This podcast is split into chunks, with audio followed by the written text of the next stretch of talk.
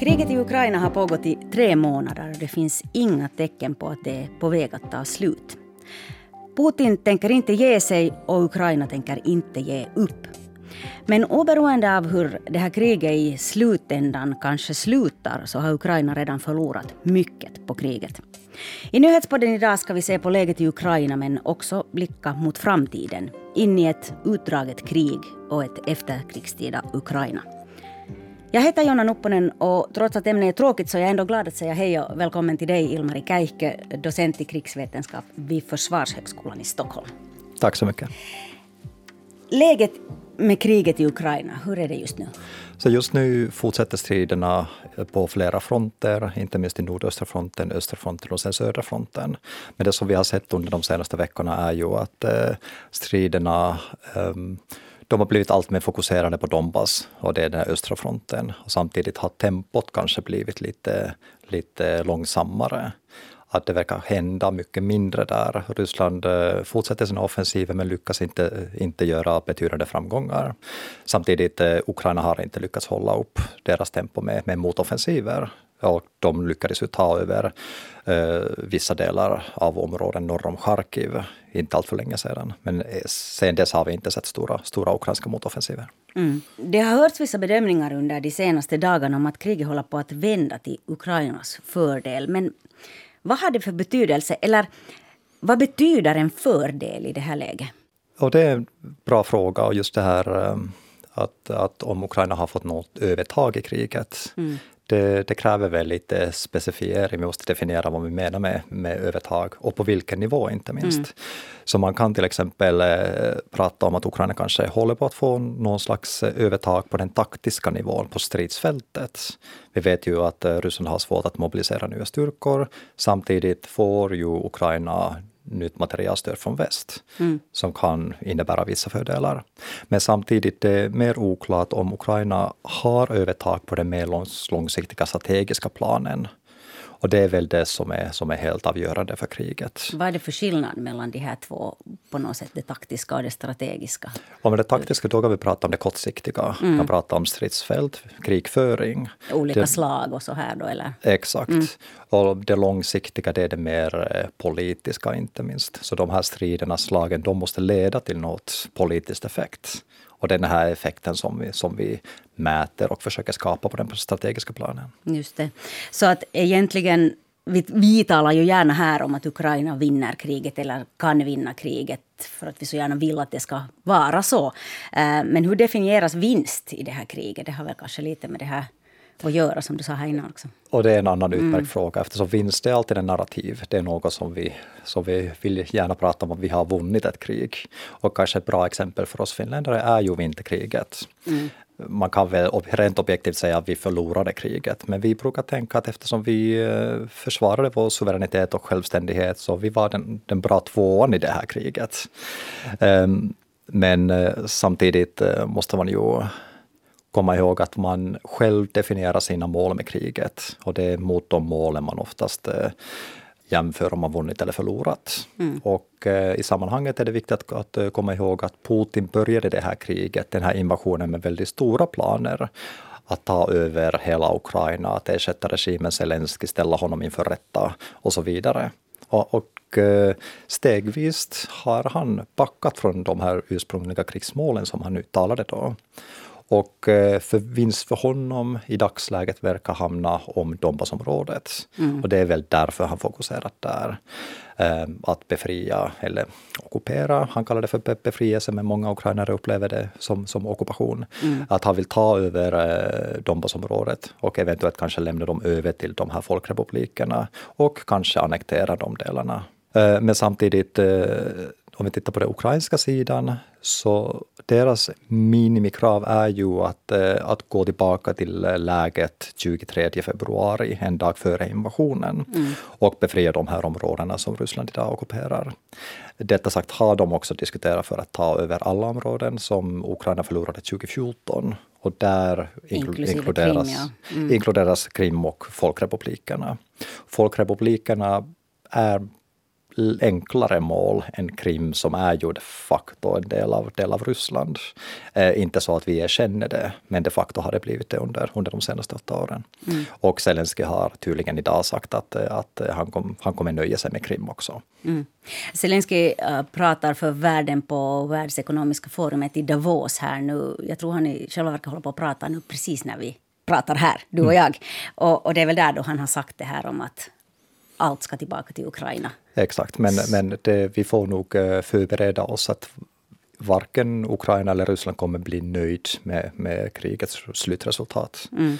Så att eh, det, det kommer bli mycket besvikelse framför oss. Ja, vilken kostnad kommer en eventuell vinst med? Det är väl det det handlar om. I Donbass har det varit massiva bombningar. På sina ställen är det väldigt sönderbombat där. Ett förstört helvete kallar president Zelensky det här. Hur sargat är Ukraina för tillfället? Uh, väldigt och allt mer sargat. Mm. Och, och bara om vi tittar på förlusterna så har vi, har vi fokuserat väldigt mycket på ryska förluster, inte så mycket på ukrainska förlusterna. Mm. Uh, igår uh, pratade Zelensky om att Ukraina förlorar 50 till 100 personer eller män per dag i Donbass. Och det är intressant att han inte pratade om soldater utan personer, så det går att tolka på olika sätt. Um, på den ryska sidan är väl siffran betydligt mycket högre. Men samtidigt de här materiella skadorna som orsakas av kriget, de orsakas på den ukrainska sidan eftersom krig förs där, inte på den ryska sidan. Och de här långvariga effekterna av kriget påverkar Ukraina mycket mer negativt än Ryssland i dagsläget. Mm. Inte minst när det gäller infrastruktur och de materiella förlusterna. Och civilbefolkningen, eftersom det är ju civilbefolkningen, trots att många har flytt, så finns ju fortfarande kvar där i Ukraina. Vi har fått förfärliga berättelser om systematiska våldtäkter, om slakt på civila och så vidare. Så att, hur påverkar det här ukrainarna i längden? Kortsiktigt kan man väl säga att de här eh, brutala ryska åtgärderna um, våldtäkterna, krigsbrott eh, och sen eh, de här artilleriduellerna som, som förs idag. Man riktar ju attacker mot inte minst byar och städer i mm. dagsläget. Mm. De har nog kortsiktigt ökat det ukrainska motståndet. Och det såg vi bäst efter Butja, där många, många av mina ukrainska kontakter började prata om att de kan inte göra några eftergifter för Ryssland eftersom den ryska ockupationen kostar så mycket. I Butja såg vi egentligen konsekvensen, priset för, för ockupationen mm. och det var väl eh, våldtäkter och mord. Ja. Och eh, det, det gjorde väl att, att många ukrainare, att deras stridsvilja bara ökade. Men om vi nu återigen tänker på det strategiska långsiktiga, så där är bilden, det kan vara annorlunda, det återstår mm. att se. Eh, och låt oss säga att kriget nu fortsätter ett eller två år till och Ukraina inte lyckas ta över de här områdena. Och sen fortsätter Ryssland med flygbombningar och, och robotattacker på ukrainska städer. Hur, hur länge kommer Ukraina orka då? Då är det mm. oklart hur den här stridsviljan ser ut. Eh, en annan sak som jag tänkte lyfta upp är att hur påverkar de här eh, den här ryska brutaliteten, det ryska samhället. Mm. Eh, på sätt och vis, vi ser det här kriget som, som väldigt svartvit. Att det är Ryssland som är förövaren och, och Ukraina som är, som är försvararen, David och Goliat så att säga. Mm. Eh, men den ryska befolkningen, de har väl en annan uppfattning av kriget. Och hur kan deras självbild kombineras med, med Rysslands eh, bild i, i omvärlden? Det återstår att se hur, hur, hur den funkar. Ja, att vi får alltså två förbittrade folk. De är förbittrade på olika saker. Ukrainarna på att deras land är förstört och mm. ryssarna på att deras rykte är förstört. Kanske Absolut. Så. Ja. Och, mm. Men som sagt, deras självbild, de, de kanske blir allt, allt mer isolerade eftersom den här själv, mm. självbilden, det är ingen annan i världen som, som tror på den. Men är ett förbittrat Ryssland farligt? Absolut, och det är det andra som vi ska, vi ska tänka på, att långsiktigt, eh, det förs krig i Ukraina, men det, det finns även en konflikt mellan Putin och västvärlden. Mm. Och eh, kriget kan i princip sluta om en månad. Nu säger jag inte att det gör det, jag tror inte att den, den kommer att göra det. Men den här konflikten med Putin, den kommer nog fortsätta väldigt länge. Och det, mm. det är den här långa konflikten som vi ska också förbereda oss inför. Men äh, blir det då så att det inte längre är en konflikt bara med Putin utan också med ryssar? I gemen? I Ukraina är det säkert så. Mm. Men eh, om man nu är väldigt optimistisk så, så kommer Putins eh, efterträdare liberaliserar Ryssland och då, då kommer Ryssland komma tillbaka till, till det internationella samfundet. Mm. Nu är man nog alltför optimistisk, eh, men, men det, det är möjligt att det blir något, något sånt. Och det ska vi inte glömma heller. Det är inte hela ryska befolkningen som, som ligger bakom kriget. Mm. Du har varit med här i nyhetspodden många gånger och pratat om kriget i Ukraina. Och nästan varje gång så har du varnat för att det här riskerar att bli långvarigt. Och nu börjar det ju bli mer och mer tydligt att det faktiskt är på det här viset att du har haft rätt hela tiden. så att säga. Vad allt tyder på det här nu?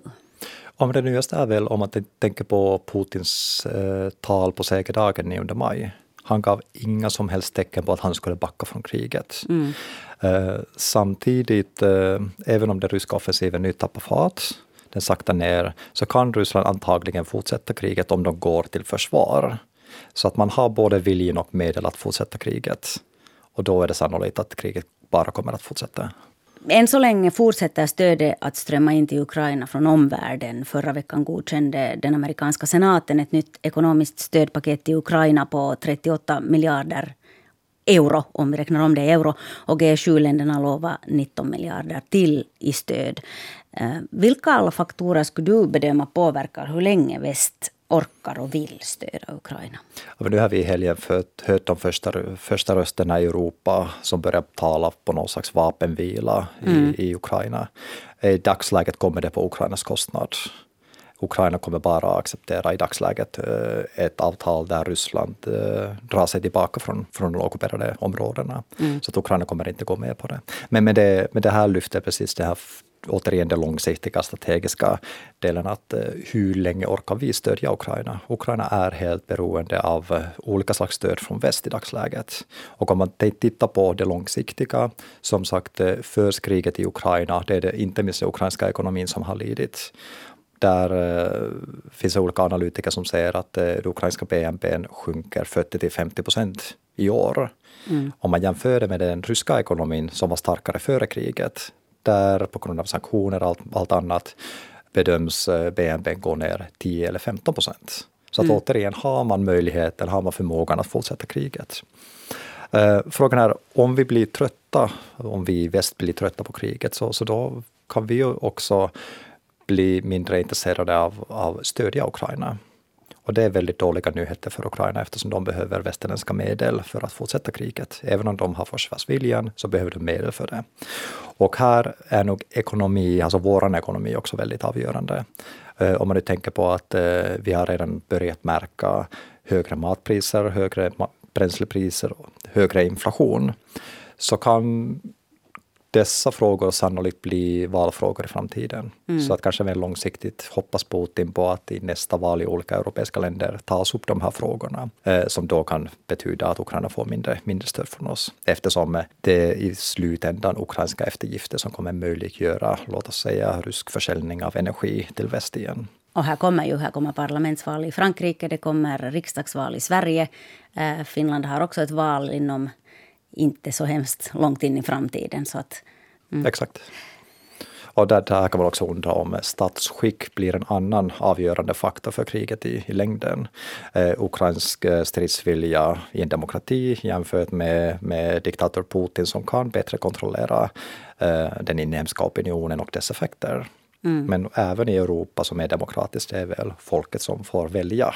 Men många av oss eh, tänker ju på plånboken först. Så det, det, kan, det kan givetvis påverka, påverka situationen. Mm. En annan sak är, är väl den här globala matkrisen som kan orsakas nu på grund av kriget. Och där kan Putin återigen hoppas på att, eh, att eh, det är väst och inte minst Ukraina som måste göra eftergifter för att lösa det här. Mm. Och eh, den här krisen är ju återigen en bra påminnelse om att vi lever i en global värld. Och att om det nu blir problem i de mest utsatta länderna i världen, låt oss säga Afrika sydd om Sahara och Mellanöstern, vi kommer också bli påverkade av det här. Om det nu blir svält till exempel och konflikter. Mm. Så att eh, det, det, är också något som vi ska, vi ska tänka på. Att det är inte bara Ukraina och Ryssland, utan det finns globala konsekvenser. Mm. Vad skulle det betyda för Ukraina om stödet sinar och kriget så att säga lite glöms bort? Det har ju hänt förr med krig och konflikter som först uppmärksammas väldigt stort och, och sen bara lite försvinner. Och vi kan bara se alla de konflikterna som försvann när kriget i Ukraina började. Mm, exakt. Uh, kriget började ju åtta år sedan, men det var mm. väldigt mm. få som som kom ihåg kriget. Detta sagt, det var väl rätt få i Ukraina som, som kom ihåg det heller, så att eh, även där det var rätt, rätt isolerat. Eh, fara med att vi blir vana vid kriget och börjar glömma bort det är ju att eh, vi slutar stödja Ukraina. Och utan det här stödet från oss blir det väldigt svårt för Ukraina att vinna. Och då kommer väl Ryssland, Ryssland eh, få fördelar och om de vinner kan de väl i princip eh, få bekräftelse på att de kan agera aggressivt, använda militär makt i, i Europa för att ändra gränser. Och det är väl inte den Europa många av oss vill leva i. Mm. Jag tänkte att jag skulle fråga dig här, vad bedömer du att Ukraina behöver mest av allt just nu? Men det är ju nästan kanske vad vi också behöver komma ihåg mest av allt just nu, lite i samma fråga. Ja, men kortsiktigt de behöver eh, vapen med, med lång räckvidd. Mm. Det, det, är det som de, de frågar hela tiden, det är det som de behöver. Men mer långsiktigt behöver de politiskt stöd. Så om man tänker på att ukrainare de slåss för sin frihet och säkerhet. Och det känns fel om de behöver oroa sig för hur länge vi orkar följa och stödja deras kamp. Det känns orättvist eftersom på sätt och vis de, de kämpar också för, för Europa, för vår säkerhet.